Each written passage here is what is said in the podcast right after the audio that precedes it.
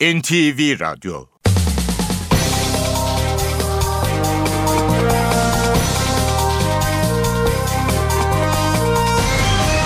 İşe Giderken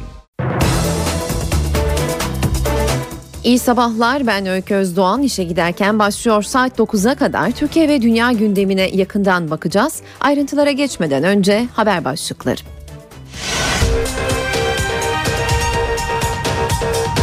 Kasımpaşa Spor'un Beşiktaş'ı 2-1 yendiği maça olaylar damgasını vurdu. Beşiktaş gol pozisyonundayken sahada iki top çarpıştı. Hakem oyunu durdurdu ve Donka sarı kart gösterdi. Sahaya giren bir kişi de Beşiktaşlı Fernandez'e tekme attı. Motta ve Almedia'da saldırgana tekme atınca hakemden kırmızı kart gördü. Beşiktaş yönetimi şimdi maçın tekrarını istiyor. Başbakan Erdoğan'dan üniversite öğrencilerine müjde. Yılbaşından itibaren üniversitelilere verilen kredi miktarı ve yurtlarda verilen yemek payı artırılacak. CHP lideri Kemal Kılıçdaroğlu gençlere seslendi. Gelin yeni bir ulusal kurtuluş savaşı başlatalım dedi. Askerliği 6 aya indireceklerini vaat etti. CHP'nin Ankara Büyükşehir Belediye Başkan adaylığı için eski MHP'li Mansur Yavaş'ın ismi öne çıktı ve partide rahatsızlık yarattı. Aday adayları arasında adı geçen Grup Başkan Vekili Muharrem İnce sert tepki gösterdi. İstanbul Gezi Parkı'nda gezi olayları sırasında hayatını kaybedenleri anmak isteyen bir gruba polis izin vermedi. Çevik kuvvet tören için toplananları parktan çıkardı. Vizesiz Avrupa için imzalar bugün atılıyor. Avrupa Birliği'nin Türkiye'ye şart koştuğu geri kabul anlaşması bugün Ankara'da Başbakan Erdoğan'ın da katılacağı törenle imzalanacak. Dışişleri Bakanı Ahmet Davutoğlu Ermenistan'a yaptığı ziyarete yönelik eleştirilere karşı suç değil yapılması gereken bir görüşmedir dedi. Almanya'da ilk kez Türk kökenli bir siyasetçi bakanlık koltuğuna oturacak. Aydan Özoğuz, göç, mülteci ve uyumdan sorumlu devlet bakanı olarak görev yapacak. İşe giderken gazetelerin gündemi.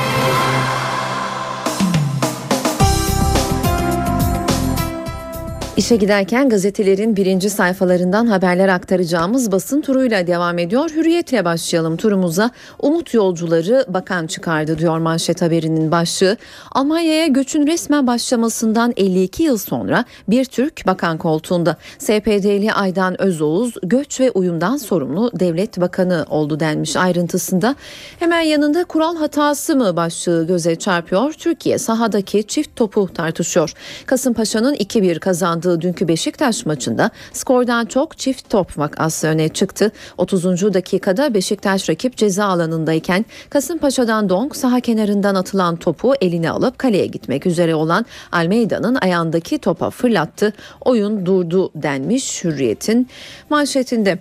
Hemen altında ise Başbakan Erdoğan'ın fotoğrafı yer alıyor. Biz her yerdeyiz, onlar kumsalda diyor başlık. Başbakan Recep Tayyip Erdoğan tüm Türkiye'nin iktidarı olduklarını belirterek muhalefete yüklendi. Bir parti bir etnik unsuru temsil ediyor. Diğeri başka bir etnik unsuru. Kucakla milleti bir parti Sivas'ın ötesine geçemiyor. Biri de diğer tarafına geçemiyor. Biri kumsalların partisi ama AK Parti iktidarı tüm Türkiye'nin iktidarı denmiş.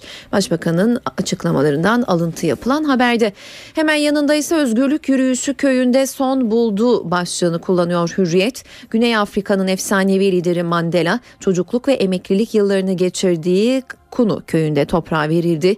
Rahip özgürlüğe uzun bir yürüyüş yaptın. Şimdi yaratıcının bağrında nihai özgürlüğe ulaştın dedi deniyor. Arabistanlı Lawrence öldü başlıklı haberin ayrıntısında aktaralım Hürriyet'in birinci sayfasından.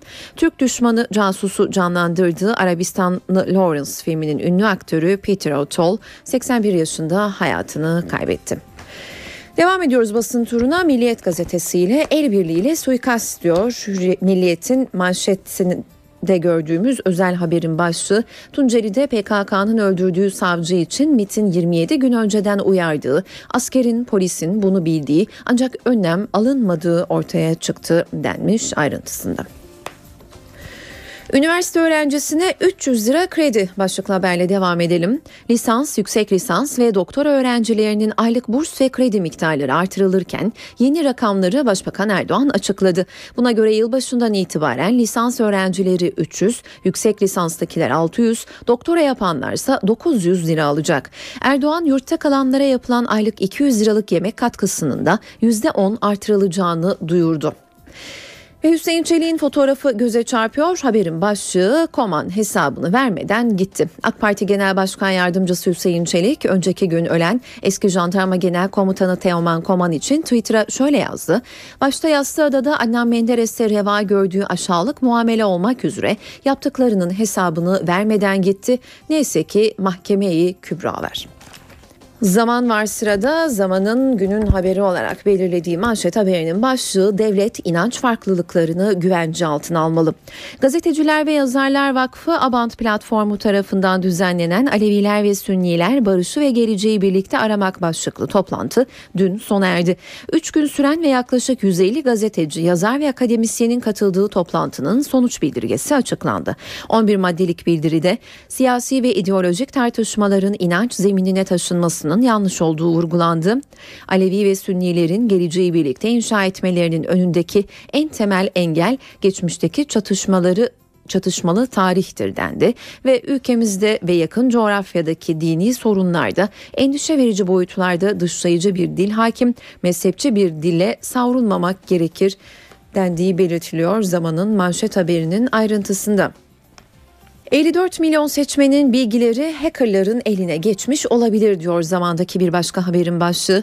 Devletin kişisel verileri korumadaki zafiyetini ortaya çıkaran Devlet Denetleme Kurulu raporunun yankıları sürerken vahim bir iddiada kamuoyu araştırma şirketi Konda'dan geldi. Genel Müdür Bekir Ağırdır YSK'nın yasa gereği seçmen bilgilerini CD ile partilere verdiğini söyledi. Duyumlarım var Rusya'da hackerların elinde Türkiye'deki 54 milyon vatandaşın kimlik numarası, adresi, baba adı bilgisi vardır dedi deniyor haberin ayrıntısında. Sabaha bakalım. Sabahsa Dolandırıcıya ödül gibi ceza başlıklı haberini taşımış manşetine özel bir haber bu da. 81 yaşındaki yazar Şükran Eğilmez'i 3 ayrı aramada toplam 750 bin lira dolandıran kişi 7,5 ay ceza aldı. Bu da ertelendi deniyor ayrıntısında. Eğilmez'i ben başkomiserim kimlik fotokopiniz terör örgütünün eline geçmiş. Operasyon yapacağız bize yardımcı olun diye arayan bir kişi Eğilmez'den bankadaki parasını çekerek bebekteki bir sokağa bırakmasını istedi istedi. Eğilmez polis gözetiminde 50 bin lirayı parktaki çöp kutusuna koydu. Para dolu poşeti alan dolandırıcı MA suçüstü yakalandı. Mahkeme MA'ya sadece 7 ay 15 gün hapis verdi. Sonra bunu erteledi. MA serbest kaldı deniyor sabahın manşet haberinde. Başbakan Erdoğan'ın fotoğrafı göze çarpıyor hemen üstünde 1,5 milyon gence burs müjdesi deniyor. Bugün tüm gazetelerin birinci sayfasına yer bulan bu haber için sabahta Erdoğan 1 Ocak itibariyle 1 milyon 452 bin 363 üniversiteli gencimize burs ya da kredi vereceğiz diyerek ayrıntılandırıyor haberini sabah. Yeni Şafak ise tefeci faizi geri döndü diyor manşetinde. Faiz lobisi gezi olayları ve Fed krizinin uluslararası piyasalarda neden olduğu dalgalanmaları ranta çevirmeyi başardı. Mayıs'ta Cumhuriyet tarihinin en düşük seviyesine inen ticari kredi faizleri 7 ayda %16'ya fırladı. Merkez Bankası'nın iki katı faizle kredi veren bankalar küçük işletmeleri zorda bıraktı denmiş. Hemen yanında yine Başbakan Erdoğan'ın fotoğrafı burslara zam müjdesiyle yer buluyor. Bugün tüm gazetelerin birinci sayfasında yer alan burs haberinin ayrıntılarını aktarıyor Yeni Şafak. Birinci sayfasında frekans ihalesi iptal ediyor hemen üstündeki haberin başlığında. Ankara 12. Bölge İdare Mahkemesi TVNet'in başvurusu üzerine yürütmesini durdurduğu ulusal genel HD ve standart frekans ihalesini ayrımcılık yapıldığı gerekçesiyle iptal etti. Radikal devam ediyoruz basın turuna. Yalanı kamera yakaladı diyor birinci sayfasında Radikal. Tutukluyla cezaevi idaresi hücre cezası yüzünden mahkemelik oldu. Hakimin hücreye attığın, attınız mı sorusuna hayır diyen idareyi kameralar yalanladı. Gaziantep E tipinde gardiyanlar tutuklu Ahmet Yeter'i hücreye attı. Sonra 5 günlük hücre cezası kesti. Yeter yargıya gitti. İnfaz hakimliği yatırdınız mı diye sordu. Cezaevi müdürü hayır dedi. Yargıç görüntüleri bilirkişiye inceledi etti. İdare doğru söylemiyordu. Savcılık görevlileri soruşturuyor. Kart'ta ayağını yorganına göre uzat devrediyor Radikal'deki bir başka haberin başlığı. Kart'ta taksit limitinden sonra maaş borç oranı da sınırlanıyor. Buna göre bir kişinin aylık taksitleri maaşının bir oranını aşamayacak. Star gazetesi ise sağcı kurşun asker başlığını görüyor. Manşetindeki haberinde yerel seçimlerde %25 bandını aşamayan CHP dindar seçmeni avlamak için sağcı veya muhafazakar aday peşine düştü. Partinin kemik tabanında kafa karışıklığı var. Avrupa Birliği kızdı, görüşmeleri askıya aldı diyor hemen altındaki haber başlıkta. Avrupa Birliği yanlısı gösterilere sert tepki veren Ukrayna'da Brüksel'den misilleme geldi. Avrupa Birliği Komisyonu üyesi Stefan Füle, Ukrayna ile görüşmelerin askıya alındığını duyurdu. Amerikalı Senatör McCain de Kiev bağımsızlık meydanına giderek göstericilere geleceklerinin Avrupa'da olduğunu söyledi. Ülkedeki Avrupa Birliği karşıtları da hükümetin desteğiyle sokaklara indi. Cumhuriyetle devam ediyoruz. Utanç tahliyesi diyor manşetinde Cumhuriyet. Tecavüze uğrayan 14 yaşındaki kızı süzen mahkeme heyeti 17-18 yaşında gösteriyor dedi. Mardin'de utanç davası olarak bilinen Nevçe olayının bir benzeri başkentte yaşandı. Evden kaçan 12 yaşındaki A.U. ile 14 yaşındaki C'ye savcılığın iddiasına göre toplam 13 kez cinsel istismara uğradı. Küçük iki kız çocuğu savcılık ifadelerinde rızaları olduğunu söyledi. Tutuklanan 10 kişi mahkemede iki mağdur 19-23 yaşlarında gösteriyordu diye savunma yaptı deniyor Cumhuriyet'in manşet haberinin ayrıntısında. Son olarak Habertürk'e bakalım. Devlete değil aileye isyan başlığı göze çarpıyor manşette. Barış süreciyle teslim olan 30 PKK'lı kadının ifadeleri rapor oldu. Daha çıkış nedeni olarak ortak bir açıklama yaptılar aile içi şiddet. Emniyet raporuna göre en çok Hakkari, Şırnak ve Diyarbakır'dan örgüte katılım oldu. Propagandanın yanı sıra zorla evlendirme, baba ve erkek kardeş şiddeti de daha çıkışta etkili deniyor. Manşet haberinin ayrıntısında Habertürk'te mazeretliler yine gelmedi başlıklı haberin de ayrıntısını paylaşalım son olarak. Yeni sistemde liselere geçiş için 6 dersten yapılan sınava giremeyen 45 bin öğrencinin mazeret sınavları tamamlandı. Ancak sınıf geçmede de gerekli sınava katılım %10'da kaldı. Eğitimcilere göre sistem öğrencilere iyi anlatılamadı deniyor bu haberin ayrıntısında ve biz de bu haberle basın turunu noktalıyoruz. NTV Radyo Saat 7.19 ben Öykü Özdoğan işe giderken yeniden karşınızdayız. Beşiktaş dün akşamki maçta Kasımpaşa Spor'a yenildi ama sonuçtan çok maçta çıkan olaylar konuşuluyor. 2-1 biten maçta olanlarla başlayalım. Kasımpaşa Beşiktaş maçı sahalarda ender görülen bir pozisyona sahne oldu. Maçın 30. dakikasında saha kenarından oyun alanına atılan ikinci topu eline alan Kasımpaşalı futbolcu Donk topu Beşiktaşlı Almeida'nın önündeki topa fırlattı. Hakem Barış Şimşek oyunu durdurdu. Donka sarı kart gösterdi. Maç hakem atışıyla tekrar başladı. Hakemin bu kararı yeni bir tartışma başlattı. Beşiktaş Yönetim Kurulu üyesi Ahmet Kavalcı, kural ihlali nedeniyle maçın tekrar oynanması için federasyona başvuracaklarını söyledi. Tabii ki itirazımızı yapacağız. Biz Beşiktaş kulübüyüz. Ne gerekiyorsa yapacağız 48 saat içerisinde. Buradan tekrar hakemlere böyle hakemleri bizim maçlarımıza vermesine lütfen rica ediyoruz. Olacak şey değil yani bu bu kadar olmaz yani bir, bir, bir takımla bu kadar oynanılmaz. Peki futbol oyun kuralları kitabında bu konuda ne deniyor? Kural 12. Fauller ve fena hareketler. Topu elle tutmak. Topu elle tutmak oyuncunun eli veya koluyla topa kasti olarak temasını içerir. Bir ihlal olup olmadığı konusunda hakem aşağıdakileri göz önüne almalıdır. Elde tutulan cisimle giysi ve tekmelik gibi topa dokunmak bir ihlal olarak değerlendirilir. Atılan bir cisimle ayakkabı ve tekmelik gibi topa vurmak bir ihlal sayılır. Maçta tek tartışmalı pozisyon bu değildi. Maçın 80. dakikasında bir seyirci sahaya girdi. Taraftar Beşiktaşlı Fernandes'e yumruk ve tekme attı. Diğer oyuncuların araya girdiği sırada sahaya giren kişiye tekme atan Beşiktaşlı oyuncular Ramon Motta ve Almeida kırmızı kart gördü. Beşiktaşlı futbolcu Tolga Zengin de annesini Trabzon'da toprağa verdikten iki gün sonra Kasımpaşa ile maçta kaledeki yerindeydi. Zengin hem Beşiktaşlı hem de Kasımpaşalı taraftarlardan büyük destek gördü. Her iki takım taraftarları da Tolga'yı tek tek tribünlere çağırarak tezahürat yaptı. Tolga Zengin Beşiktaş tribününde üzerinde annesinin resminin olduğu pankartı öptü.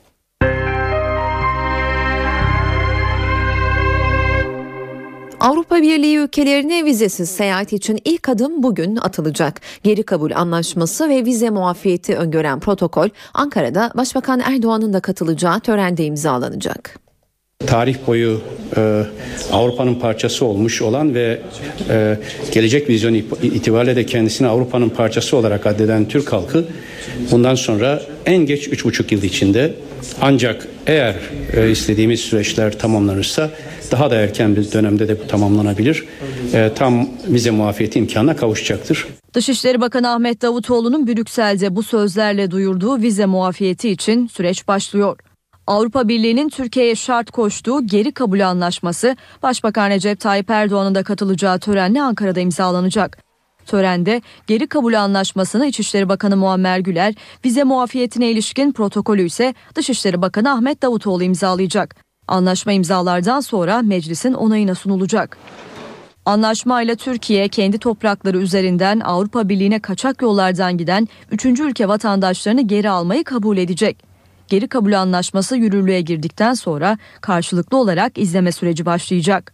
Avrupa Birliği Türkiye'nin Türkiye'de Avrupa Birliği'nin yükümlülüklerini yerine getirip getirmediğine bakacak.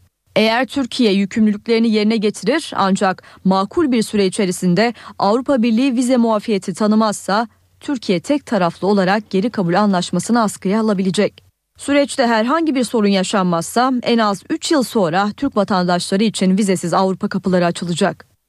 Başbakan Erdoğan açıkladı. Üniversite öğrencilerine verilen kredi miktarına %7 zam yapıldı. Zamlı krediler yılbaşından itibaren verilecek. Ayrıca yurtlardaki yemek katkı payı da 19 lira artırıldı. 1 Ocak 2014 itibariyle rakamı açıklıyorum. Değerli kardeşlerim, lisans öğrencileri için aylık 280 lira olan yüksek öğrenim kredi veya burs miktarını 1 Ocak 2014'ten itibaren 300 lira yükseltiyoruz. Yüksek lisans öğrencilerinin aylık 560 lira olan burs veya kredilerini aylık 600 liraya yükseltiyoruz. Doktora öğrencilerinin aylık 840 lira olan burs veya kredi miktarlarını da aylık 900 liraya yükseltiyoruz. Bitmedi. Yurt kur yurtlarında yani Kredi Yurtlar Kurumu'nun yurtlarında kalan öğrencilerimize şu anda aylık 201 lira olan yemek katkısı ödüyoruz. 1 Ocak'tan itibaren bu yemek katkısını da 220 liraya çıkarıyoruz. CHP lideri Kemal Kılıçdaroğlu partisinin bir dönem gençleri unuttuğunu söyledi ama artık öyle değil. Gelin CHP'ye beraber devrim yapalım dedi. Kılıçdaroğlu gençlere vaatlerini açıkladı. Askerliğin önce 9 sonra 6 aya ineceğini vaat etti. Bütün kucağımı açıyorum bu ülkenin gençlerine. Gelin hep beraber Türkiye'yi yeniden ayağa kaldıralım. Yeni bir ulusal kurtuluş savaşını hep beraber başlatalım. CHP lideri Kemal Kılıçdaroğlu partisinin gençlik kollarının Dev Çınarlar Genç Filizlerle Buluşuyor etkinliğinde gençlere seslendi. CHP lideri önce partisine ilişkin bir öz eleştiride bulundu. Bir dönem gençlerimizi unutmuştuk. Acı ama partinin genel başkanı olarak bunu söylemekte hiçbir sakınca görmüyorum. Ama bugün 81 ilde örgütlendik. Ardından da CHP iktidarında gençlere sunulacak olanakları anlattı. 12 Eylül ürünü olan YÖK kalkacak, askerlik önce 9 aya sonra 6 aya indirilecektir. Atama bekleyen öğretmen kavramı olmayacaktır. Hiç kimsenin özel yaşamına Cumhuriyet Halk Partisi iktidarında hiç kimse müdahale edemeyecek. CHP lideri bu etkinliğin hemen öncesinde de Yeni Mahalle Belediyesi'nin zihinsel engellilere yönelik yaşam merkezinin açılışında konuştu. Kılıçdaroğlu'nun CHP'li belediyelere denetim yoluyla baskı kurulduğunu savundu. Belediye başkanları üzerinde baskı var, bunu biliyoruz. Hiç korkmuyoruz, hiç çekinmiyoruz ve diyoruz daha fazla denetlemezseniz namersiniz diyoruz. CHP'de Ankara Büyükşehir Belediye Başkan adaylığı için eski MHP'li Mansur Yavaş'ın adı öne çıkınca CHP karıştı. Kulislerdeki tepkiler Twitter aracılığıyla kamuoyuna yansıdı. En sert tepki Grup Başkan Vekili Muharrem İnce'den. CHP'nin Ankara Büyükşehir Belediye Başkan adayı Mansur Yavaş olabilir. Edinilen bilgiye göre parti yönetimiyle Yavaş arasındaki görüşmelerde taraflar anlaştı. Geriye yalnızca Mansur Yavaş'ın CHP üyelik işlemleri kaldı. Mansur Yavaş'ın bu hafta içinde CHP'ye üye olabileceği ve CHP lideri Kemal Kılıçdaroğlu ile görüşebileceği de gelen bilgiler arasında. Siyasetçiler biraz kime oy verecek? Yavaş'ın adaylığı konusunda belirleyici toplantının 22 Aralık'taki parti meclisi toplantısında olması bekleniyor. Mansur Yavaş bir süre önce CHP'den adaylık teklifi aldığını doğruladı. Kararını da hafta içinde açıklayacağını bildirdi. Yavaş'ın bu sözlerinin ardından Kılıçdaroğlu'nun danışmanında bir açıklama yaptı. Danışman Şükrü Karaca, Mansur Yavaş Ankara'ya hayırlı olsun ifadesini kullandı. Mansur Yavaş adı CHP'de rahatsızlık yarattı. Adı Ankara adayları arasında geçen CHP Grup Başkan Vekili Muharrem İnce, Twitter'da partimize de Cumhuriyet'in başkenti Ankara'ya da yazık oluyor. Kendi partisinden başka partilerden aday olmayanları aday yapmakla olmaz bu işler yazdı. Taraf olmayan Bu tepkinin arkasında Mansur Yavaş'ın siyasi geçmişi var. Yavaş daha önce MHP'den Beypazarı ilçesinde iki dönem belediye başkanlığı yaptı. 2009 yılında da MHP'den Ankara Büyükşehir Belediye Başkan adayı olarak %27 oy aldı. Mecliste Dışişleri Bütçesi görüşmelerinde muhalefet sözcüleri Dışişleri Bakanı'nın Ermenistan ziyaretine tepki gösterdi. Bakan eleştirilere Ermenistan'la yaptığımız görüşme suç değil, yapılması gereken bir görüşmedir karşılığını verdi. Bizim Ermenistan'la görüşmemiz de suç değildir, yapılması gereken bir davranıştır. Dışişleri Bakanı Ahmet Davutoğlu Ermenistan'a yaptığı ziyareti eleştiren muhalefete tepki gösterdi.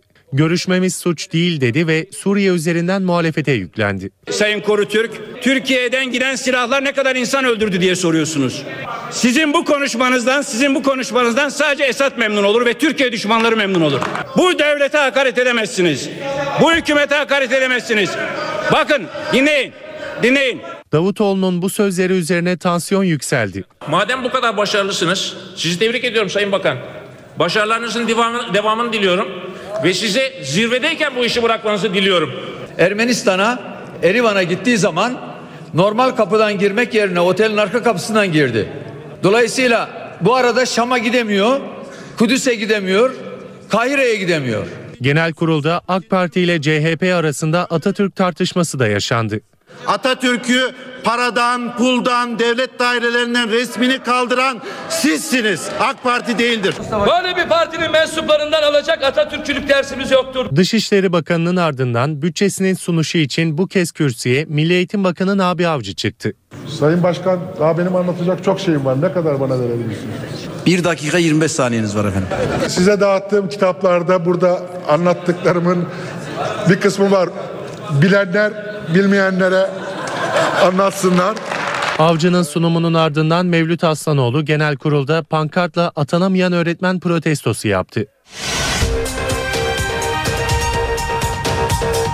Kasımpaşa Spor'un Beşiktaş'ı 2-1 yendiği maça olaylar damgasını vurdu. Beşiktaş gol pozisyonundayken sahada iki top çarpıştı. Hakem oyunu durdurdu ve Donka sarı kart gösterdi. Sahaya giren bir kişi de Beşiktaşlı Fernandez'e tekme attı. Motta ve Almeida da saldırgana tekme atınca hakemden kırmızı kart gördü. Beşiktaş yönetimi şimdi maçın tekrarını istiyor.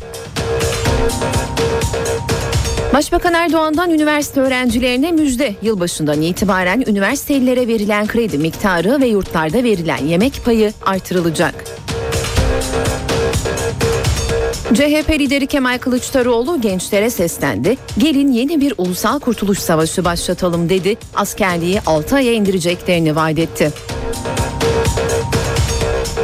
CHP'nin Ankara Büyükşehir Belediye Başkan adaylığı için eski MHP'li Mansur Yavaş'ın ismi öne çıktı ve partide rahatsızlık yarattı. Aday adayları arasında adı geçen Grup Başkan Vekili Muharrem İnce sert tepki gösterdi. İstanbul Gezi Parkı'nda gezi olayları sırasında hayatını kaybedenleri anmak isteyen bir gruba polis izin vermedi. Çevik kuvvet tören için toplananları parktan çıkardı. Vizesiz Avrupa için imzalar bugün atılıyor. Avrupa Birliği'nin Türkiye'ye şart koştuğu geri kabul anlaşması bugün Ankara'da Başbakan Erdoğan'ın da katılacağı törenle imzalanacak. Dışişleri Bakanı Ahmet Davutoğlu Ermenistan'a yaptığı ziyarete yönelik eleştirilere karşı suç değil yapılması gereken bir görüşmedir dedi. Almanya'da ilk kez Türk kökenli bir siyasetçi bakanlık koltuğuna oturacak. Aydan Özoğuz, göç, mülteci ve uyumdan sorumlu devlet bakanı olarak görev yapacak. İşe giderken gazetelerin gündemi.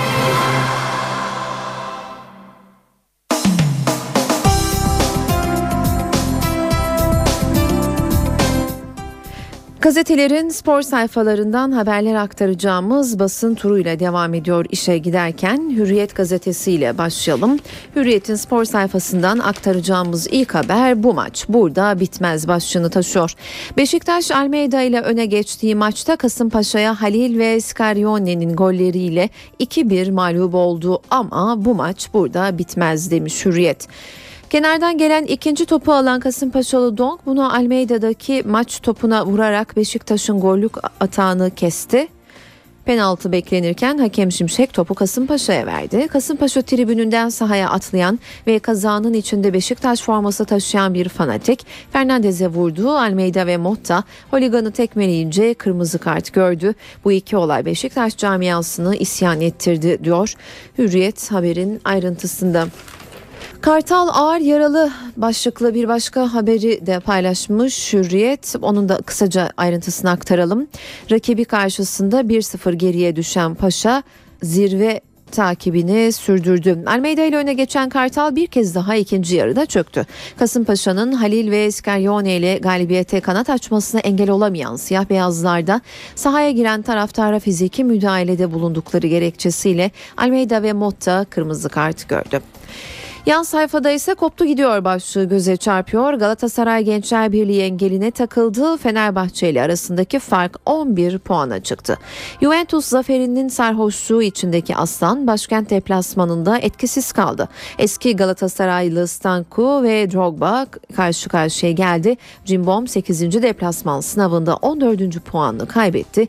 Zirvenin uzağında kaldı diyor haber ayrıntısında. Trabzonspor cephesinden bir haberle devam edelim. Hacı Osmanoğlu bombaladı başlığını taşıyor haber. Trabzonspor'un 68. Genel Kurulu'nda konuşan başkanın gündemi yine 2010-2011 sezonuydu. Kendilerinden çalındığını iddia ettiği şampiyonluk kupası için bugün UEFA ve FIFA ile görüşmeye gideceğini belirten İbrahim Hacı Osmanoğlu, şikenin başı ve organizatörü Aziz Yıldırım'dır dedi. Fenerbahçe ile devam edelim. Ağustos böceği Alper diyor haberin başlığı. Fenerbahçe'nin son haftalarda form tutan genç yıldızının ilginç bir hikayesi var.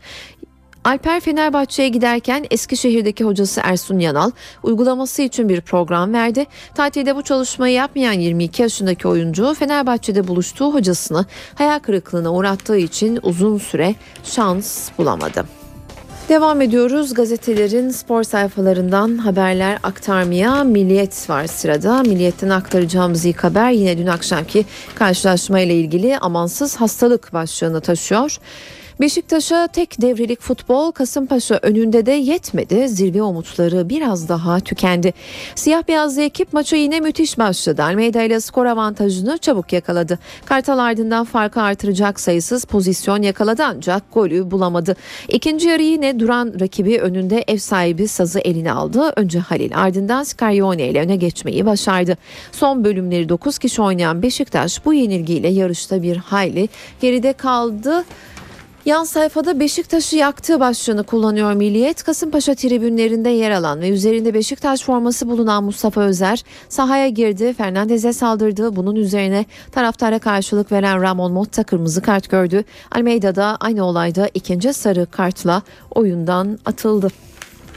Mancini kaçtı başlıklı haberle devam edelim Milliyet'ten. Galatasaray Teknik Direktörü maç sonrasında çok kısa bir basın toplantısı düzenledi. Ardından da soru sorulmasına izin vermeden ayrıldı. İtalyan çalıştırıcının uçağa yetişmek için bu şekilde hareket ettiği ve ülkesine gittiği belirtildi deniyor duruşunu bozmadığı başlıklı haberin ayrıntısını aktaralım. Hafta içinde Juventus'u yenerek Şampiyonlar Ligi'nde bir üst tura çıkan ve büyük moral depolayan Cimbom, Gençler Birliği karşısında maça pek de istediği gibi başlayamadı. Stanku'nun golüyle sarsıldı. Şoku çabuk atlatan ve rakibine büyük baskı kuran sarı kırmızılı ekip Drogba ile beraberliği kurtarsa da zafere ulaşamadı. Liderle fark 11 puana çıktı.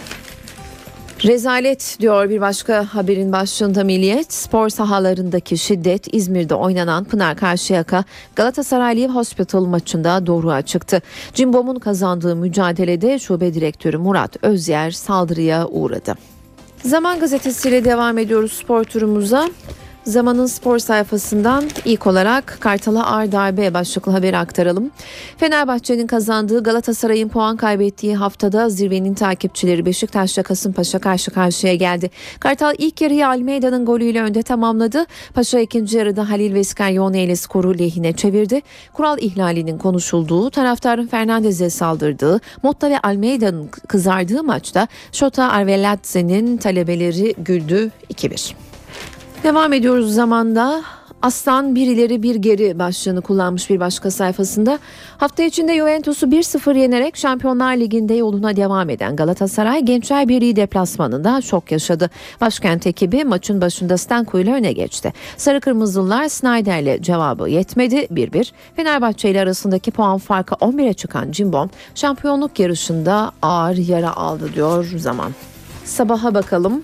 Sabahın spor sayfasından kolunu kanadını kırdılar başlıklı haberi aktaralım ilk olarak. Her şey normal başladı. Üçte Almeida'nın golüyle Beşiktaş öne geçti ama ne olduysa 30'dan sonra oldu diye başlamış sabah. Bugün tüm gazetelerin birinci sayfalarında ve spor sayfalarında ayrıntılandırılan dün akşamki karşılaşma ile ilgili ve madde madde devam etmiş. Kısaca maddelerin başlıklarını aktaralım. Kasımpaşa Halil ile eşitliği sağlayıp Scaglione ile öne geçti. Beşiktaş sahadan 2-1 yenik ayrılırken yönetim kural hatası diyerek federasyona başvurma kararı aldı. Topu dışarı atacaktım. Geceye damga vuran isimlerden Donk müthiş bir savunma yaptı. Topu dışarı çıkarmak istedim ama elimde kaldı. Ne yapacağımı bilemedim. Başım belada diyor Galatasaray cephesinden bir haberin başlığı. Cimbom eski oyuncusu Stanko'nun golüyle geriye düştü. İlk yarıda üçlü defanstan vazgeçen Mancini'ye bir puan Drogba'nın kafası getirdi. Fenerbahçe'de yabancı bahar, bahar başlıklı haberi aktaralım son olarak sabahtan 6 artı 0 artı 4 sınırlamasının tartışıldığı sezonda Sarı lacivertli takımı yabancı oyuncuları uçuruyor. Yabancılar 21 maçta gole %87'lik katkı yaptı diyor ve biz de böylelikle gazetelerin spor sayfalarından haberler aktardığımız turumuzu noktalıyoruz.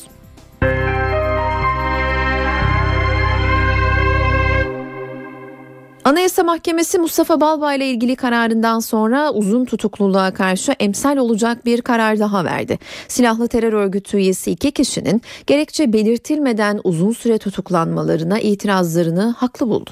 Kaçma, delilleri karartma, yeniden suç işleyerek kamu düzenini bozma gibi nedenler artık tutuklu yargılanmak için yeterli olmayacak. Hakimlere tutuklama kararlarında somut gerekçe yazma zorunluluğu geliyor. Anayasa Mahkemesi uzun tutukluluklarla ilgili emsal bir kararı daha imza attı. Yüksek Mahkeme, silahlı terör örgütüne üye olmaktan tutuklanıp davaları hala süren Firas Aslan ve Hebat Aslan'ın mahkeme gerekçe göstermeden tutukluluğumuzun devamına karar verdi diyerek yaptıkları bireysel başvuruyu haklı buldu. Anayasa Mahkemesi 3 yıl 11 ay 24 gün tutuklu yargılanan Firat Aslan ve 4 yıl 11 ay 16 gün tutuklu yargılanan Hebat Aslan'a özgürlük ve güvenlik haklarına müdahale edildiği gerekçesiyle toplam 8200 lira manevi tazminat ödenmesine hükmetti.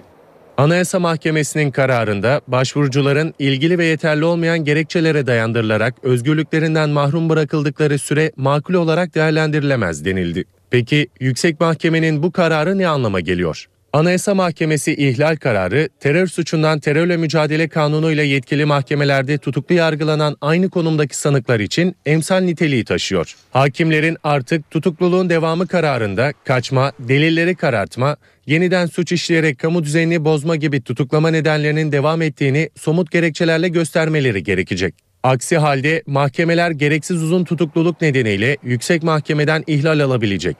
Avrupa Birliği Bakanı ve Baş Müzakereci Egemen Bağış, Abdullah Öcalan'la ilk görüşenlerin kendileri olmadığını, Ecevit döneminde de istihbaratın Öcalan'la temas kurduğunu söyledi. Bağış bu açıklamayı Avrupalı Türk Demokratlar Birliği bürosunu açmak için bulunduğu Almanya'da yaptı. Açılış sırasında bir grup protestocunun eylemi nedeniyle kısa süreli arbedede yaşandı. Protestocular salondan çıkartılırken Mustafa Kemal'in askerleriyiz diye bağırırken Bakan Egemen Bağış da Atatürk yaşasaydı size patates bile soydurmazdı karşılığını verdi.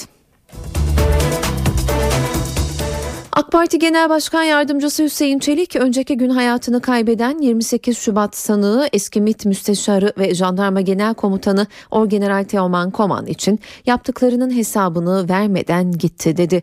Twitter üzerinden mesaj veren AK Partili Çelik, malum ve meşhur Teoman Koman vefat etti. Ailesine, sevenlerine başsağlığı diliyorum ancak ya madalyonun diğer tarafı ifadesini kullandı. Koman'ın yaptıklarının hesabını veremeden öldüğünü ifade eden Hüseyin Çelik, neyse ki mahkemeyi kübra var. Mazlumların ve mağdurların elbette en büyük tesellisi budur dedi. 77 yaşında hayatını kaybeden Teoman Koman için bugün saat 11'de 1. Ordu Komutanlığı'nda tören düzenlenecek. Koman Selimiye Camii'nde kılınacak cenaze namazının ardından Ulus Mezarlığı'nda toprağa verilecek. İstanbul Gezi Parkı'nda gezi olayları sırasında hayatını kaybedenleri anmak isteyen bir gruba polis izin vermedi. CHP İstanbul Milletvekili Melda Onur'un da aralarında bulunduğu grup Gezi Parkı'nda mum yaktı. Ancak kısa süre sonra parka gelen Çevik Kuvvet grubu dağılmaları için uyardı. Göstericiler ve polis arasında gerginlik çıktı. Çevik Kuvvet kalabalığı parktan çıkardı.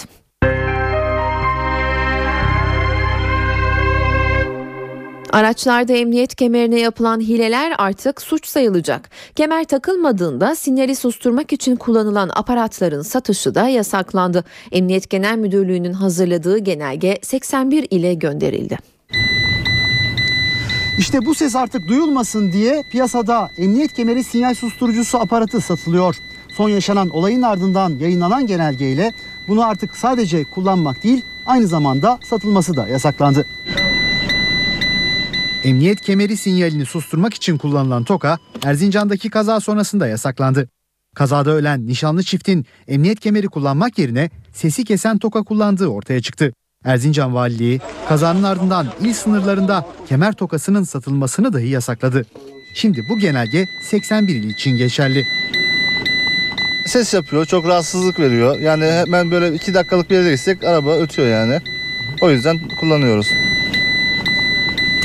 Kısa mesafeler olduğu zaman yani e, böyle 3-500 metrelik gideceğim bir mesafede rahatsız etmemek için e, arada sırada olsa da kullanıyorum. Bütün sistemi devre dışı bırakıyor. Tabii bütün sistemi devre dışı bıraktığını biliyorum. Çünkü o, o hava yastığını tamamen devre dışı bırakıyor.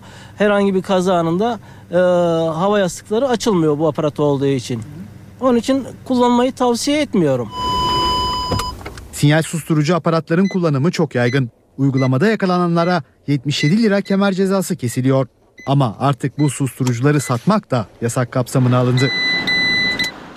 Soğuk hava sebze ve meyve fiyatlarını katladı. Sivri biberin fiyatı balığa geçti. Salatalıksa geçen haftaya göre %100 zamlandı. NTV muhabirinin pazar notlarını dinliyoruz.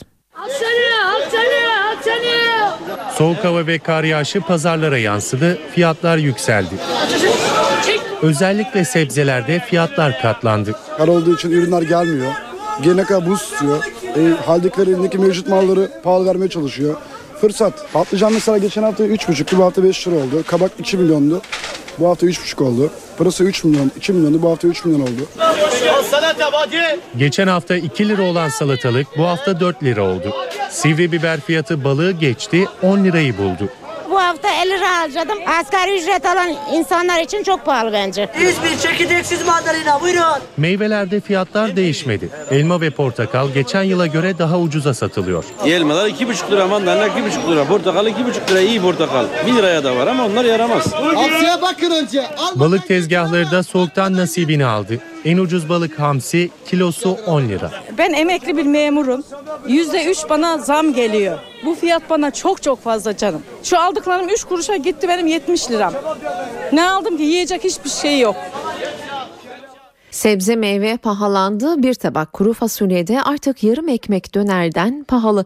Son 3 ayda %50 zamlanan fasulye artık düşük bütçeli evlerin gözde yemeği olmaktan çıktı. Kuru fasulyeye zam yakında lokantalara da yansıyacak. Fakirin eti olarak bilinirdi artık zengin yemeği oldu. Kuru fasulye son 3 ayda %50 zamlandı etle yarışır oldu. Fasulyenin kilosu 10 gün önce 8 liraydı şimdi 12 lira. Şu anda kuru 6 e, tahminimize göre 8 civarında olacak. Yani şu anda eti e, geçecek büyük ihtimalle. Döner e, 7'den satıyoruz ama E, kuruyu 8-8,5 gibi tahminimize göre satacağız. E, çok komik ama evet e, kuru fasulye etten daha pahalı şu anda. Bir tabak kuru fasulye yarım ekmek dönerden daha pahalı. Kuru fasulyeciler artışı henüz fiyatlara yansıtmadı ancak zam kapıda. Porsiyon 6 lira, pilav 3,5 lira. İşte su ile birlikte zaten toplam 10 liraya bir kişi karnını doyurmuş olarak buradan ayrılıyor. Şu anda bize yansıdı ama biz zam yapmadık daha. Yani kuru fasulye piyasada yok. Fiyat artışının nedeni bakliyat ekiminin azalması ve kuraklık. Türkiye'de yılda tüketilen 200 bin ton kuru fasulyenin yarısı ithal ediliyor. NTV Radyo Saat 8 ben Öykü Özdoğan işe giderken yeni saate günün öne çıkan başlıklarıyla başlıyor. Kasımpaşa Spor'un Beşiktaş'ı 2-1 yendiği maça olaylar damgasını vurdu. Beşiktaş gol pozisyonundayken sahada iki top çarpıştı. Hakem oyunu durdurdu ve Donka sarı kart gösterdi. Sahaya giren bir kişi de Beşiktaşlı Fernandez'e tekme attı. Motta ve Almeida da saldırgana tekme atınca hakemden kırmızı kart gördü. Beşiktaş yönetimi şimdi maçın tekrarını istiyor. Başbakan Erdoğan'dan üniversite öğrencilerine müjde. Yılbaşından itibaren üniversitelilere verilen kredi miktarı ve yurtlarda verilen yemek payı artırılacak. CHP lideri Kemal Kılıçdaroğlu gençlere seslendi. Gelin yeni bir ulusal kurtuluş savaşı başlatalım dedi. Askerliği 6 aya indireceklerini vaat etti. CHP'nin Ankara Büyükşehir Belediye Başkan adaylığı için eski MHP'li Mansur Yavaş'ın ismi öne çıktı ve partide rahatsızlık yarattı. Aday adayları arasında adı geçen Grup Başkan Vekili Muharrem İnce sert tepki gösterdi. İstanbul Gezi Parkı'nda gezi olayları sırasında hayatını kaybedenleri anmak isteyen bir gruba polis izin vermedi. Çevik kuvvet tören için toplananları parktan çıkardı.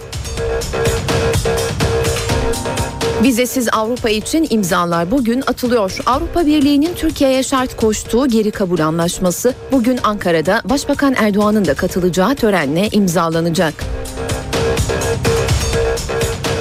Dışişleri Bakanı Ahmet Davutoğlu Ermenistan'a yaptığı ziyarete yönelik eleştirilere karşı suç değil yapılması gereken bir görüşmedir dedi. Almanya'da ilk kez Türk kökenli bir siyasetçi bakanlık koltuğuna oturacak. Aydan Özoğuz, göç, mülteci ve uyumdan sorumlu devlet bakanı olarak görev yapacak. Sırada hava durumu var. Son hava tahminlerini NTV Meteoroloji Editörü Gökhan Abur'dan alacağız. Hoş geldiniz Gökhan Abur. Merhaba, hoş bulduk. Aralık ayında soğuk hava etkisini göstermeye devam ediyor. İstanbul'da ve yurt genelinde hafta boyunca nasıl bir hava bekliyor bizim? Evet genel değer, değerlendirmeye baktığımızda hakikaten geçtiğimiz hafta oldukça çetin geçti. Yer yer yoğun kar yağışları vardı iç kesimlerde doğuda hatta hatta İstanbul'da hayatı olumsuz etkileyecek koşullar vardı. Şu anda kar yağışı etkisini kaybetti. Yalnızca doğuda sabah erken saatlerde Artvin civarında kar vardı. Gün içinde Karadeniz'in kıyı kesimlerinde çok bir, bir aşırı bir bulutlanma var. O bölgede kısa süreli yağışlar görülecek. Sıcaklıklar biraz yükseliyor bu hafta içinde. O bakımdan da yer yer sis ve pus ve don ve buzlanma etkili olacak. İç kesimlerde yer yer don ve buzlanma var. Yer yer pus ve sis var. Ee, özellikle sis ve pusun etkili olduğu bölgelerimiz oldukça etkili, e, yoğun diyebilirim. E, Ankara ve civarında hafif puslu bir hava var. Aynı şekilde Erzurum öyle, Diyarbakır'da var. Yani yani ülkenin büyük çoğunluğu da Afyonkarahisar, Kütahya'da sis ve pus etkisini sürdürmeye devam ediyor. Balıkesir'de, Bandırma'da, Bolu'da, Mardin'de ve Mersin'de de puslu hava şu saatler itibariyle etkili. Hava soğuk. Özellikle gece sıcaklıkları iç kesimlerde bu gece de eksi gün, gün için gece sıcaklıkları özellikle eksi 15 ile eksi 20 derece arasında değişecek. Şu anda Diyarbakır eksi 10 derece, Erzurum eksi 11, ee, İstanbul 5 derece, İzmir eksi 2 derece, Adnan Menderes İzmir'deki eksi 2 derece, şehir merkezi 0 derece ve Ankara'da da sıcaklık Yine Etimesut ve Esenboğa civarında eksi 2 derece ama merkezde sıcaklık eksi 1 ile 0 derece arasında değişiyor. Gün içinde artacak sıcaklıklar var. Fakat e, artacak bir bulutlanma da var. Çünkü Trakya'da şu anda bulutlu bir hava var. İlerleyen saatlerde artacak bulutlanma. Özellikle Marmara'nın batı kesimlerinde Trakya başta olmak üzere kısa süreli yağışlar oluşturacak.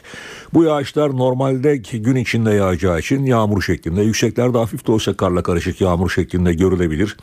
İstanbul'da da gece saatlerinde en geç gece saatlerinde yağışın başlamasını bekliyoruz ki yarın da Marmara bölgesinde yağış aralıklarla devam edecek. Doğuda da ise yine kısa süreli yağış geçişleri var ama iç kesimlerde ve kesis ve pus bu gece de etkisini sürdürecek. Yer yer gizli buzlanma var. Sürücüler dikkatli olmalı. Akdeniz bölgesinde ve Güney Ege'deki seracılar bu gece tekrar beklediğimiz don ve buzlanmaya karşı dikkatli olmalı. Aynı şekilde üreticiler de iç kesimlerdeki don ve buzlanmaya karşı etkisini sürdürmeli. Haftanın ilk yarısı Poyraz yönlü rüzgar oldukça kuvvetli. Batı Karadeniz, Marmara ve Kuzey Ege'de bugüne itibaren kuvvetlenecek Poyraz. Termometre sıcaklıkları yükselti de hissedilen sıcaklıkları azaltacak. O bakımdan İstanbul'da şu anda 5 derece olan sıcaklık gün içinde 8-9 dereceye çıksa da bizler yine sıcaklığı 5-6 derece gibi hissedeceğiz. Günün en sıcak olması gereken öğle saatlerinde bile. Evet böyle bir haftaya başlıyoruz. Belki önemli yağış gözükmüyor haftanın ilk yarısı ama soğuk hava devam edecek. Teşekkür ederiz. Son hava tahminlerini NTV Meteoroloji Editörü Gökhan Abur'dan dinledik. İşe giderken gazetelerin gündemi.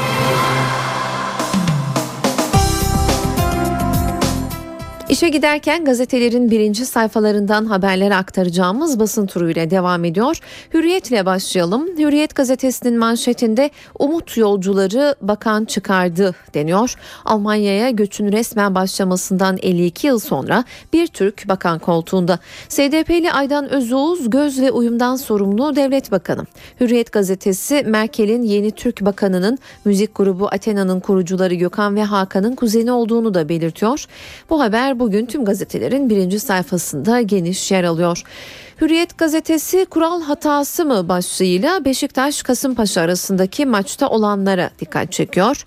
Yine Hürriyet'in birinci sayfasında CHP'nin Ankara Büyükşehir Belediye Başkan adaylığı için Mansur Yavaş'ın adının öne çıkmasını anketle teklif, tweetle teyit başlığı da vermiş. Yerel seçim öncesi geniş çaplı anket yaptıran CHP yönetimi Ankara için rotasını 2009'da MHP'den aday olan Mansur Yavaş'a çevirdi diyor Hürriyet. Habertürk'le devam edelim. Habertürk'ün sür manşetinde siyasetçi Mustafa Balbay'la röportaj göze çarpıyor. Cami avlusunda olmak istiyorum sözlerinin başlığı alındığı haberde Balbay fermante oldum, köşelerim genişledi. Cami avlusunda olmak, her kesimle temas kurmak istiyorum. CHP'li olarak vay başörtüsü nasıl olur? İmam hatipler çoğaldı yakınmasını değil, halkın kucaklanmasını istiyorum artık diyor. Habertürk'ün manşetindeki haberse devlete değil aileye isyan başlığıyla yer bulmuş. Barış sürecinde teslim olan 30 PKK'lı kadının ifadeleri rapor oldu. Habertürk'e göre daha çıkış nedenini aile içi şiddet olarak anlatan PKK'lı kadınlar ergendik aileye isyan ediyorduk dediler. Devam ediyoruz Milliyet gazetesiyle. Milliyet gazetesi manşetinde el birliğiyle suikast başlığı yer bulmuş. Tunceli'de PKK'nın öldürdüğü savcı için MIT'in 27 gün önceden uyardığı askerin polisin bunu bildiği ancak önlem almadığı ortaya çıktı deniyor. Milliyet gazetesi çocuklar düşe kalka başlıklı haberde ise Aile Bakanlığı'nın çocuk hakları eylem planındaki dramatik tabloya dikkat çekiyor.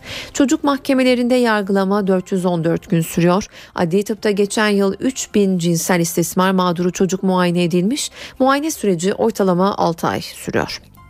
Milliyet gazetesi sür manşette de Paşa'da olay çıktığı başlığıyla Beşiktaş Kasımpaşa spor maçında olanları veriyor. Sırada Zaman var. Zaman gazetesinin manşet haberinde devlet inanç farklılıklarını güvence altına almalı deniyor. Abant platformunun düzenlendiği Aleviler ve Sünniler barışı ve geleceği birlikte aramak başlıklı toplantıdan sonra yayınlanan 11 maddelik bildiri veriliyor. Zaman gazetesinden bir başka haber ise 54 milyon seçmenin bilgileri hackerların eline geçmiş olabilir deniyor. Konda Genel Müdürü Bekir Ardır'ın duyumlarım var Rusya'da hackerların elinde Türkiye'deki 54 milyon vatandaşın kimlik numarası, adresi, baba adı bilgisi vardır ifadesi yer alıyor. Sabah gazetesi ise dolandırıcıya ödül gibi ceza başlığıyla manşete aldığı haberde 81 yaşındaki yazar Şükran Eğilmez'i 3 ayrı aramada toplam 750 bin lira dolandıran kişi 7,5 ay ceza aldı. Bu da ertelendi diyor. Yine Sabah gazetesinde Başbakan'dan 1,5 milyon gence burs müjdesi ve futbolu unutturan skandallar başlığıyla Beşiktaş Kasımpaşa maçında olanlar sür manşete taşınmış. Yeni Şafak'la devam ediyoruz. Yeni Şafak'ın manşetinde tefeci faizi geri döndü deniyor. Haberin spotlarında faiz lobisi, gezi olayları ve FED krizinin uluslararası piyasalarda neden olduğu dalgalanmaları ranta çevirmeyi başardı. Mayıs'ta Cumhuriyet tarihinin en düşük seviyesine inen ticari kredi faizleri 7 ayda %16'ya fırladı. Merkez Bankası'nın iki katı faizle kredi veren bankalar küçük işletmeleri zorda bıraktı deniyor. Yeni Şafak gazetesi gazetesinin manşetinde. Gazetede yer alan bir başka haberde maaşa göre taksit sınırı başlığı dikkat çekiyor. Bireysel borçları düşürmek için kredi kartlarına taksit sınırı getiren BDDK'dan ikinci adım. Taşıt, ihtiyaç gibi kredilerin taksitleri aylık gelirin %45'ini aşamayacak deniyor. Yani geliri 1000 lira olan bir kişi aylık 450 liranın üzerinde taksit yapamayacak. Cumhuriyet gazetesine bakalım manşeti utanç tahliyesi başlıklı. Mardin'de utanç davası olarak bilinen NÇ olayının benzeri başkent Ankara'da yaşandı. Evden kaçan 12 yaşındaki AU ile 14 yaşındaki C'ye savcılığın iddiasına göre toplam 13 kez cinsel istismara uğradı. Tutuklanan 10 kişi mahkemede 19-23 yaşlarında gösteriyorlardı savunması yaptı. Bu savunma üzerine 14 yaşındaki C'ye bakan mahkeme heyeti tutana mağdurun dış görünüşü itibariyle 17-18 yaşlarında ergenlik gelişimini tamamlamış genç kız görünümünde olduğu gözlemlenmiştir diye yazdı. Cumhuriyet gazetesinde bir başka haber Sarp Kuray'ın umudu halkta zindanda unutulan adalet deniyor. Tek kişilik bir örgütün lideri olduğu iddiasıyla ömür boyu hapis cezasına çarptırılan Kuray, iktidara gelen herkesin yargıyı istediği gibi biçimlendirdiğini söylüyor. Apollinarie davası gülünç başlıklı haberde ifade özgürlüğü savunucusu White, ünlü Fransız şair ve yazar Apollinare'nin genç bir Don Juan'ın maceraları adlı kitabının İstanbul'da müstehcen olduğu gerekçesiyle yargılanması açıkçası çok gülünç diye değerlendirildi. Son olarak Radikal'e bakalım. Radikal gazetesinin manşeti yalanı kamera yakaladı diyor. Tutukluyla cezaevi idaresi hücre cezası yüzünden mahkemelik oldu. Hakimin hücreye attınız mı sorusuna hayır diyen idareyi kameralar yakaladı. Radikalde bir başka başlık bu ay 38 kere acile giden ağır hasta tutuklu Halil Güneş adli tıpı bekliyor. Radikal'den bir başka haberse basın turumuzun son haberi rektöre göre lahit önemsiz başlığını taşıyor. Tophane'de Mimar Sinan Güzel Sanatlara ek bina yapılmak istenen arsadaki Bizans hamamı için rektör o lahit dağ başlarında da var diyor. Arkeologlar Derneği aynı fikirde değil. Koruma kampanyası başlatıldı. Basın turumuzu noktalıyoruz. NTV Radyo Saat 8.20 ben Öykü Özdoğan işe giderkenle yeniden karşınızdayız. Başkent bugün tarihi bir toplantıya ev sahipliği yapacak. Vizesiz Avrupa yolu bugün resmen açılacak. Ankara'da imzalar atılacak. Başka neler olacak Ankara'nın gündeminin ayrıntılarını bugün NTV muhabiri Murat Barış Koralp'ten alacağız. Murat Ankara'da bugünün gündemini senden dinliyoruz. Öykü Günaydın Avrupa Birliği'ne üye ülkelere yönelik vize muafiyeti süreci resmi olarak bugün başlıyor. Sürecin başlaması için Avrupa Birliği'nin Türkiye'ye şart koştuğu geri kabul anlaşması Başbakan Recep Tayyip Erdoğan'ın da katılacağı törenle Ankara'da imzalanacak. Törende geri kabul anlaşmasını İçişleri Bakanı Muammer Güler, vize muafiyetine ilişkin protokolü ise Dışişleri Bakanı Ahmet Davutoğlu imzalayacak. Geri kabul anlaşması yürürlüğe girdikten sonra karşılıklı olarak izleme süreci başlayacak. Avrupa Birliği Türkiye'nin Türkiye'de Avrupa Birliği'nin yükümlülüklerini yerine getirip getirmediğine bakacak. Anlaşmayla Türkiye kendi toprakları üzerinden Avrupa Birliği'ne kaçak yollardan giriş yaparken yakalananları kabul edip geldikleri ülkelere gönderilene kadar tutulacakları mülteci kamplarına gönderecek. Süreçte herhangi bir sorun yaşanmazsa Avrupa Birliği ilk olarak Türk vatandaşlarına vize kolaylığı getirecek. Schengen vizesi almak isteyen belirli meslek gruplarından kişilerden daha az evrak istenecek. Bugün bu geri kabul anlaşması Ankara'da saat 10'da imzalanıyor olacak.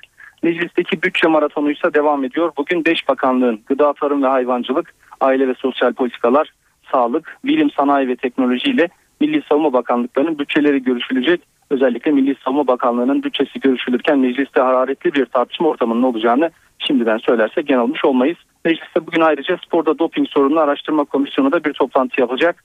Atletizm, güreş ve halterle vücut geliştirme federasyonlarının başkanları birer sunum yapıyor olacak toplantıda. İktidar ve muhalefet milletvekillerinin basın toplantıları da var mecliste. Bunlardan en dikkat çekici olan ise kadın milletvekillerinin geniş katılımıyla düzenleyecekleri basın toplantısı olacak.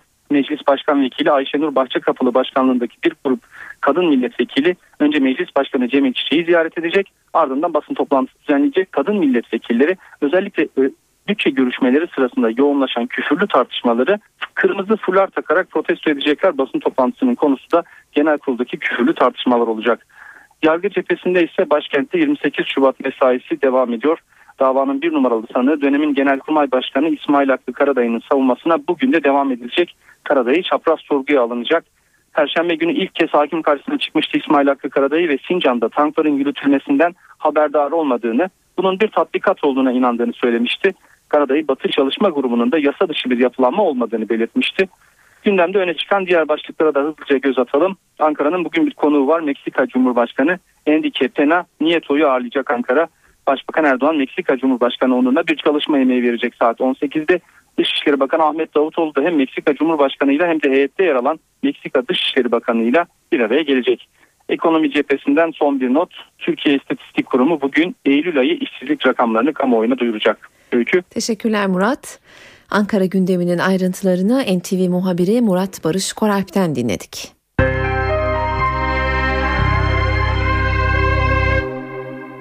Başbakan Erdoğan hafta sonu Antalya'daydı. İlçeleri gezdi, toplu açılışlar yaptı. Konuşmalarında üniversitelerde başörtüsü yasağı ve imam hatiplere katsayı uygulamasını hatırlattı. Dertli baba olarak çektim bunu diye anlattı. Türkiye Cumhuriyeti Devleti tek devletimiz. Kimseye burada operasyon, ameliyat yaptırmayız. Yapmaya gayret edenler bedelini ağır öderler. Başbakan Recep Tayyip Erdoğan Antalya ziyaretinin ikinci gününde birliğimize müdahale ettirmeyiz mesajı verdi. Kepez, Korkuteli ve Finike'de toplu açılışlara katıldı. Başbakan okullardaki başörtüsü yasağı ve katsayı uygulamasını hatırlatarak muhalefete yüklendi. Dertli baba olarak çektim ben bunu. Ayağına prangayı bağlıyor, koş koşabilirsen. Ya nasıl olsun? Bu millette gençliğimizin yavrularımızın 15 yılını çaldılar. Başbakan Erdoğan Avrupa'yı ayrımcılıkla suçladı. Biz zenciye de aynı mesafede eşitiz. O da bizim bu noktada ülkemde ise aynı şekilde vatandaşım. Beyaz o da aynı şekilde. Yıllar yılı batı zenci ile beyaz arasında ayrımcılık yaptı. Irkçılık yaptı.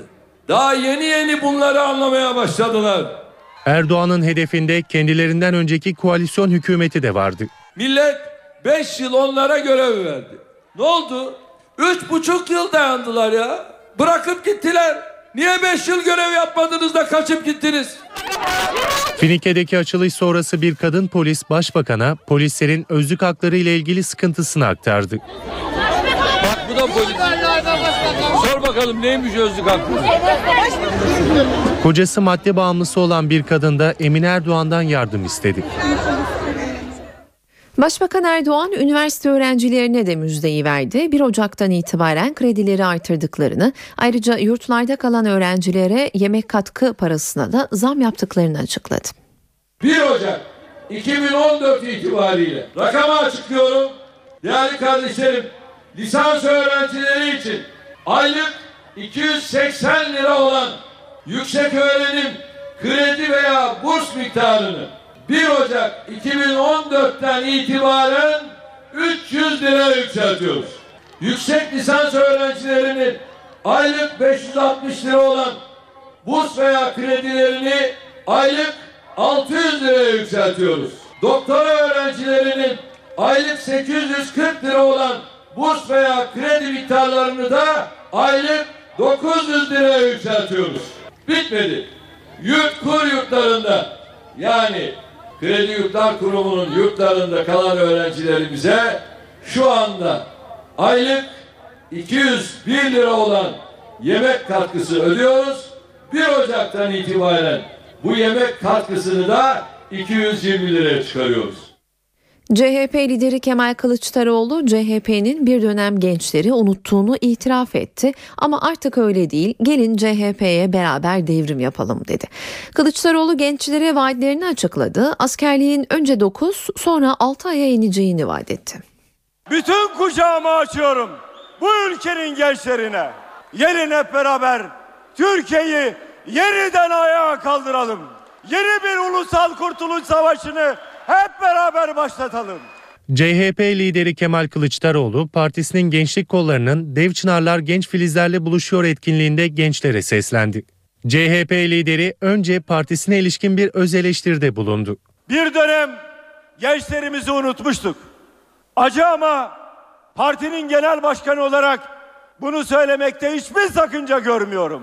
Ama bugün 81 ilde örgütlen- örgütlendik. Ardından da CHP iktidarında gençlere sunulacak olanakları anlattı. 12 Eylül ürünü olan YÖK kalkacak, askerlik önce 9 aya sonra 6 aya indirilecektir. Atama bekleyen öğretmen kavramı olmayacaktır. Hiç kimsenin özel yaşamına Cumhuriyet Halk Partisi iktidarında hiç kimse müdahale edemeyecek. CHP lideri bu etkinliğin hemen öncesinde de Yeni Mahalle Belediyesi'nin zihinsel engellilere yönelik yaşam merkezinin açılışında konuştu. Kılıçdaroğlu'nun CHP'li belediyelere denetim yoluyla baskı kurulduğunu savundu. Belediye başkanları üzerinde baskı var. Bunu biliyoruz. Hiç korkmuyoruz. Hiç çekinmiyoruz. Ve diyoruz daha fazla denetlemezseniz namersiniz diyoruz. CHP'de Ankara Büyükşehir Belediye Başkan adaylığı için eski MHP'li Mansur Yavaş'ın adı öne çıkınca CHP karıştı. Kulislerdeki tepkiler Twitter aracılığıyla kamuoyuna yansıdı. En sert tepki Grup Başkan Vekili Muharrem İnce'den.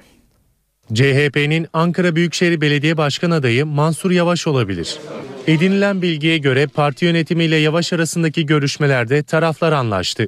Geriye yalnızca Mansur Yavaş'ın CHP üyelik işlemleri kaldı.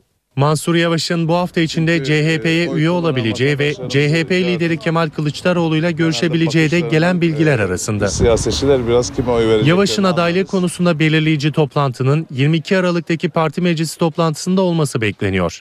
Mansur Yavaş bir süre önce CHP'den adaylık teklifi aldığını doğruladı. Kararını da hafta içinde açıklayacağını bildirdi. Yavaş'ın bu sözlerinin ardından Kılıçdaroğlu'nun danışmanında bir açıklama yaptı. Danışman Şükrü Karaca, Mansur Yavaş Ankara'ya hayırlı olsun ifadesini kullandı. Mansur Yavaş adı CHP'de rahatsızlık yarattı. Adı Ankara adayları arasında geçen CHP Grup Başkan Vekili Muharrem İnce, Twitter'da partimize de Cumhuriyet'in başkenti Ankara'ya da yazık oluyor. Kendi partisinden başka partilerden aday olmayanları aday yapmakla olmaz bu işler yazdı. Taraf olmayan Bu tepkinin arkasında Mansur Yavaş'ın siyasi geçmişi var. Yavaş daha önce MHP'den Beypazarı ilçesinde iki dönem belediye başkanlığı yaptı. 2009 yılında da MHP'den Ankara Büyükşehir Belediye Başkan adayı olarak %27 oy aldı. MHP Grup Başkan Vekili Oktay Vural, tutuklu MHP'li milletvekili Engin Alan'ın tahliye talebinin değerlendirilmesi gerektiğini söyledi. Milletvekilleri oy veren insanların iradesini kullanıyor dedi. Engin Alan Bey'in de bir an önce tahliye ile ilgili müracaatının değerlendirilmesini bekliyoruz.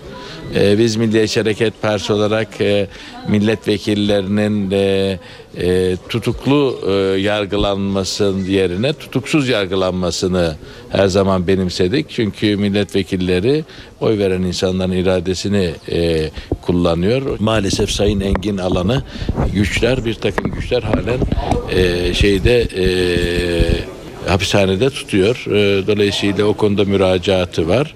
Anayasa Mahkemesi Mustafa Balbay ile ilgili kararından sonra uzun tutukluluğa karşı emsal olacak bir karar daha verdi. Silahlı terör örgütü üyesi iki kişinin gerekçe belirtilmeden uzun süre tutuklanmalarına itirazlarını haklı buldu. Kaçma, delilleri karartma, yeniden suç işleyerek kamu düzenini bozma gibi nedenler artık tutuklu yargılanmak için yeterli olmayacak. Hakimlere tutuklama kararlarında somut gerekçe yazma zorunluluğu geliyor. Anayasa Mahkemesi uzun tutukluluklarla ilgili emsal bir kararı daha imza attı. Yüksek Mahkeme, silahlı terör örgütüne üye olmaktan tutuklanıp davaları hala süren Firas Aslan ve Hebat Aslan'ın mahkeme gerekçe göstermeden tutukluluğumuzun devamına karar verdi diyerek yaptıkları bireysel başvuruyu haklı buldu. Anayasa Mahkemesi 3 yıl 11 ay 24 gün tutuklu yargılanan Firat Aslan ve 4 yıl 11 ay 16 gün tutuklu yargılanan Hebat Aslan'a özgürlük ve güvenlik haklarına müdahale edildiği gerekçesiyle toplam 8200 lira manevi tazminat ödenmesine hükmetti. Anayasa Mahkemesi'nin kararında başvurucuların ilgili ve yeterli olmayan gerekçelere dayandırılarak özgürlüklerinden mahrum bırakıldıkları süre makul olarak değerlendirilemez denildi. Peki Yüksek Mahkemenin bu kararı ne anlama geliyor? Anayasa Mahkemesi ihlal kararı, terör suçundan terörle mücadele kanunu ile yetkili mahkemelerde tutuklu yargılanan aynı konumdaki sanıklar için emsal niteliği taşıyor. Hakimlerin artık tutukluluğun devamı kararında kaçma, delilleri karartma, yeniden suç işleyerek kamu düzenini bozma gibi tutuklama nedenlerinin devam ettiğini somut gerekçelerle göstermeleri gerekecek. Aksi halde mahkemeler gereksiz uzun tutukluluk nedeniyle yüksek mahkemeden ihlal alabilecek. Maliye Bakanı Mehmet Şimşek yerel seçimler için belediyelere bütçe dışında bir ödenek ayrıldığı haberlerini yalanladı. CHP lideri Kılıçdaroğlu 2014 bütçesinden belediyelere dağıtılmak için 15,8 milyar lira ödenek ayrıldığını söylemişti. Bakanlıktan yapılan yazılı açıklamada 2014 yerel seçimleri için belediyelere verilmek üzere bütçe tasarısı kapsamı dışında herhangi bir ödenek konulmadığı, bu konuda açıklamaların gerçeği yansıtmadığı belirtildi.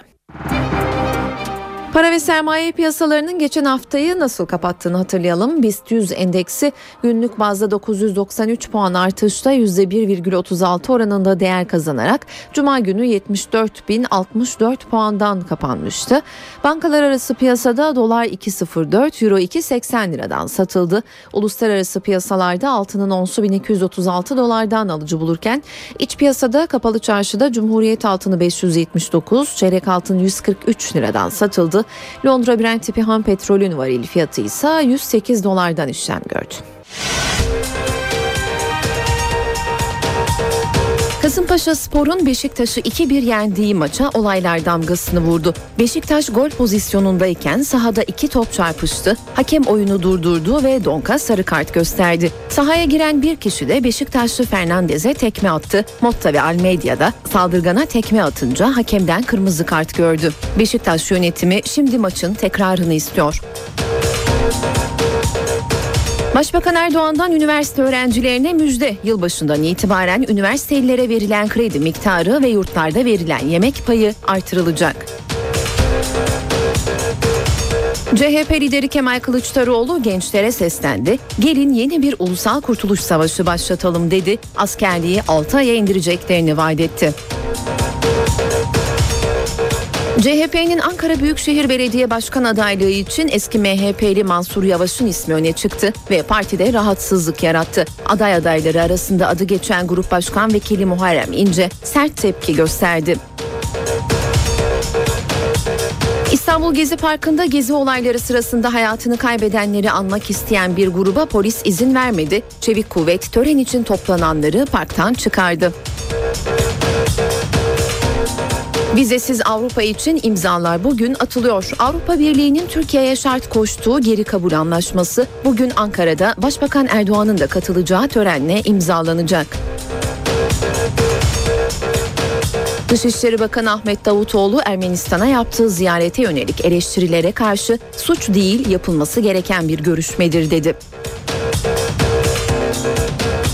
Almanya'da ilk kez Türk kökenli bir siyasetçi bakanlık koltuğuna oturacak. Aydan Özoğuz, göç, mülteci ve uyumdan sorumlu devlet bakanı olarak görev yapacak. İşe giderken programını noktalıyoruz. Ben Öykü Özdoğan. NTV Radyo